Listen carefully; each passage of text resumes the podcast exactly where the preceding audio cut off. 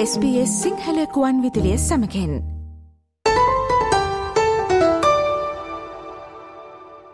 National bird week එහෙම නැත්නම් ජාතික කුරුළු සතිය එදිලා තියෙන්නේ මේ සතිය.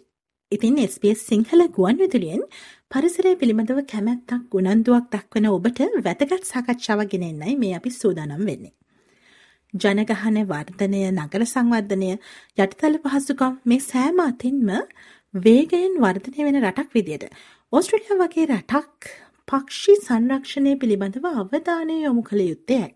මේ තමයි අද දවස අපේ මාතෘකාව ඉතින් මේ ගැන වැඩිදුර තොරතුරු කතාබහ කරන්නට අද දවස අප සමඟ එකතු වෙන්නේ වොලොංගොං විශ්වවිද්‍යාලයේ ජෛව විද්‍යාංශයේ පක්ෂීන් සම්බන්ධාචාර උපාධි අපේක්ෂිකාවක් වන දුල්මිනී ජයනිතා ලියනගේ. ආයිබෝන් දුල්මිනි ඔබට අයුබෝවන් දුල්මිනි මම මුලින්ම ඔබගෙන් දැනගන්න කැමති ඔස්ට්‍රලියාවේ සිටින පක්ෂීන්ගේ මේ වන විට නවතම තත්ත්වය කුමක්ද. ඒ වගේම ඒ සංඛ්‍යා දත්තවලින් පෙන්නුම් කරන්නේ කුමක්ද.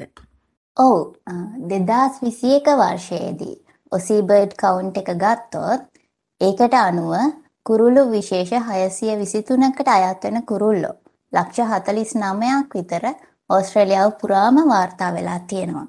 මේගොල්ලෝ අතරින් සුලභම වාර්තා වෙන කුරුළු විශේෂ විදියට rainbow lorikeet, noisy miner, Australian magpie, sulphur crested cockatoo, galah වගේ කුරුළු විශේෂ අපිට හඳුන්වන්න පුළුවන්.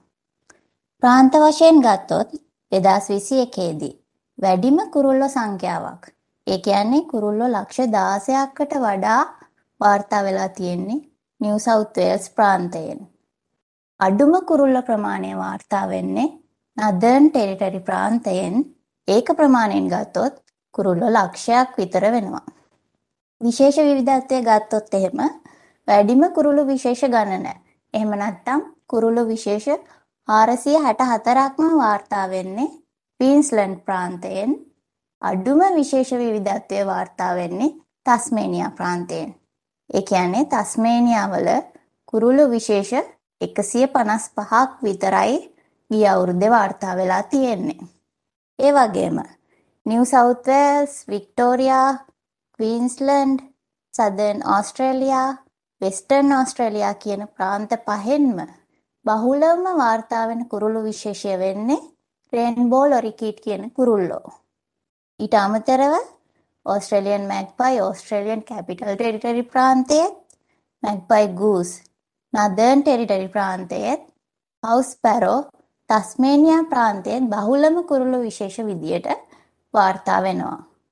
මේ වගේ දත්තවලින් කුරුළු විශේෂ කීයක් ඉන්නවද? කොච්චර කුරුල්ල ප්‍රමාණයක් වැඩි වෙනවද? මොන වගේ කුරුළු විශේෂද අඩු වෙමින් යන්නේ?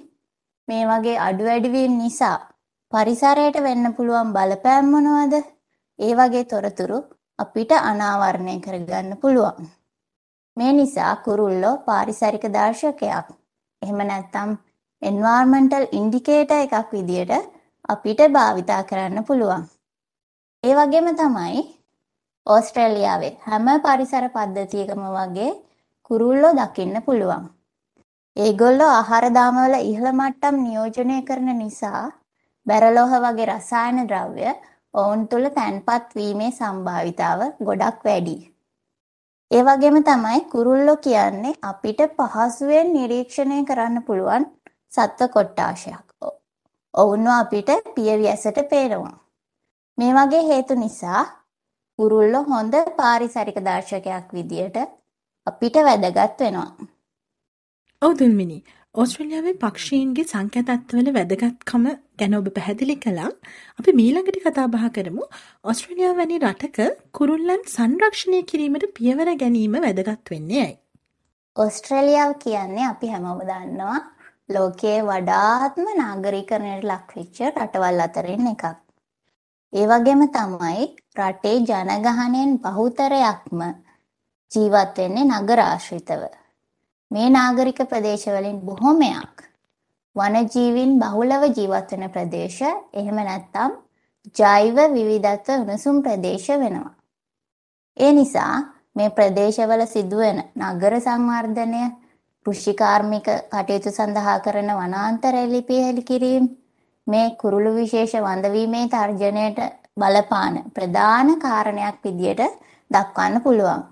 උදාහරණයක් විදියට ගත්තොත් ක්වීන්ස්ලන්ඩ් ප්‍රාන්තයේ බ්‍රිස්බේන් ඒ වගේම නිව් සවුත් වෙල්ස් ප්‍රාන්තයේ සෙන්ට්‍රල් කෝස්ට් ඒ වගේම වෙස්ටර්න් සිඩ්නි මේ වගේ නාගරික වැඩි දියුණු කිරීම නිසා ජෛව විවිධත්වය හානියට ලක්වෙච්ච ප්‍රදේශ විදියට අපිට දක්වන්න පුළුවන්. ඒ නිසා ඕස්ට්‍රේලියාව ඇතුලේ කුරුල්ලෝ සංරක්ෂණය ඉතාම වැදගත්. ඔව් දුල්මිනි. අපි අවසාන වශයෙන් කතා බහ කරමු ඕස්ට්‍රේලියාවේ කුරුල්ලන් සංරක්ෂණය කිරීමට ගත හැකි ක්‍රියාමාර්ග මොනවද? අපි මුලින්ම රජය ඒ වගේම ආයතන මට්ටමින් ගත්තොත් නගර සැලසුම් කිරීමේදී ස්වභාවික ප්‍රදේශවලට අවම හානියක් වෙන විදියට සැලසුම් සකස් කිරීම ඒ වගේම උද්‍යාන සහ විවෘත අවකාශ සැලසුම් කිරීමේදී ඒවා මිනිස්සුන්ට වගේම කුරුල්ලෝ සහ අනෙකුත් වනජීවීන්ට උචිත අයුරින් සැලසුම් කිරීම තව කතා කරනවා නම් කුරුළු පර්යේෂණ සඳහා රාජ්‍ය මට්ටමින් අනුග්‍රහය දැක්වීම කුරුළු සංරක්ෂණයේ වැදගත්කම ගැන ජනතාව දැනුවත් කිරීම වගේ දේවල් අපිට කරන්න පුළුවන්. ඒ වගේම තනි පුද්ගලයෙක් විදියට ගත්තොත් පුද්ගලික ගෙවතු තම තමන්ගේ ගෙවත්තේ කුරුල්ලන් සඳහා වාසස්ථාන විදියට ගස් සිටුවීම කරන්න පුළුවන්. ආයතන මගින් ක්‍රියාත්මක කරන කුරුල්ලන් සම්බන්ධ සිටිසන් සයන්ස් ඉවෙන්ට්ස් ඒ කියන්නේ මේ ඔසී බර්ඩ් කවුන්ට් වගේ ව්‍යාපෘති සඳහා සම්බන්ධ වෙන්න පුළුවන්. ඒ වගේ දේවල් වලින් කුරුළු පර්යේෂණ වලට ලොකු පිටිවහලක් හම්බ වෙනවා. ඊට අමතරව නිවෙස්වල තියෙන පාරදෘශ්‍ය වීදුරු ආවරණය කිරීම කරන්න පුළුවන්. මොකද ඒවායේ ගැටීමෙන් කුරුල්ලන්ට හානි සිදුවීමේ වැඩි හැකියාවක් තියෙන නිසා ඊට අමතරව වගාවන් වලට කෘෂි රසායන ද්‍රව්‍ය භාවිතය අවම කිරීම කරන්න පුළුවන්. මොකද මේ විෂ රසායන ද්‍රව්‍ය අඩංගු ධාන්‍ය වර්ග, ඇට වර්ග, එහෙම නැත්නම් කෘමි සතුන් ආහාරයට ගැනීමෙන් කුරුල්ලන්ට හානි සිදුවීමේ හැකියාවක් තියෙනවා. ප්ලාස්ටික් පොලිතීන් භාවිතය අවම කිරීම කරන්න පුළුවන්. කසල නිසි පරිදි බැහැර කිරීම කරන්න පුළුවන්. ඒ මොකද සමහර අවස්ථාවල කුරුල්ලෝ ආහාර සඳහා කුණු මත යැපෙන්න පුරුදු වෙලා තියෙනවා. තව සමහර අවස්ථාවලද කුරුල්ලෝ ඔවුන්ගේ ස්වභාවික ආහාර කියලා ප්ලාස්ටික් පොලිතීන් කොටස් වලට රැවටෙන අවස්ථා තියෙනවා. මෙන්න මේ වගේ දේවල් අපිට කුරුල්ලෝ සංරක්ෂණය සඳහා ක්‍රියාමාර්ග විදියට ගන්න පුළුවන්. ඔව් අපි අද දවසේ කතා බහ කරමින් සිටියේ ඔස්ට්‍රලියා වගේ රටක පක්ෂි සංරක්ෂණය පිළිබඳව අවධානය යොමු කළ යුත්තේයයි කියන කාරණය සම්බන්ධයෙන්. ජාතික කුරුළු සතය සනිටුහන් කරමින් සිදු කළ මේ සාකච්ඡාවට අප සමග සම්බන්ධ වනේ වොලොංගොං විශ්වවිද්‍යාලයේ ජෛවීය විද්‍යාංශයේ පක්ෂීන් සම්බන්ධාචාර්ය උපාධි අපේක්ෂිකාවක් වන දුල්මිනී ජයනිතා ලියනගේ. ඔබට බෙහෙවින් සූතිවන්ත වෙනවා ඔබේ අධ්‍යයන ක්ෂේත්‍රය ඇසුරෙන් මේ වැදගත් කරුණු කාරණා SBS සිංහල ගුවන් විදිරිය සමඟ බෙදාහදා ගැනීම සම්බන්ධව. බොහොම ස්තුතියි.